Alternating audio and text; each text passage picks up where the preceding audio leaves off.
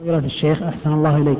إذا دخل الرجل مع الإمام في الصلاة الرباعية وفي الركعة الثالثة هل تعتبر له الأولى ويقرأ فيها ما تيسر من القرآن أم ماذا يفعل؟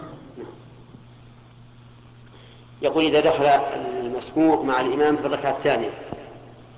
في صلاة نعم ثانية. الثالثة في صلاة الرباعية.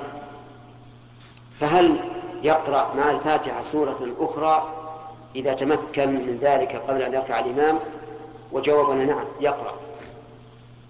لأن هذا الذي دخل في الركعة الثالثة صارت الثالثة له هي الأولى فيستفتح ويقرأ الفاتحة ويقرأ بعدها ما تيسر إذا تمكن من ذلك قبل أن يركع الإمام.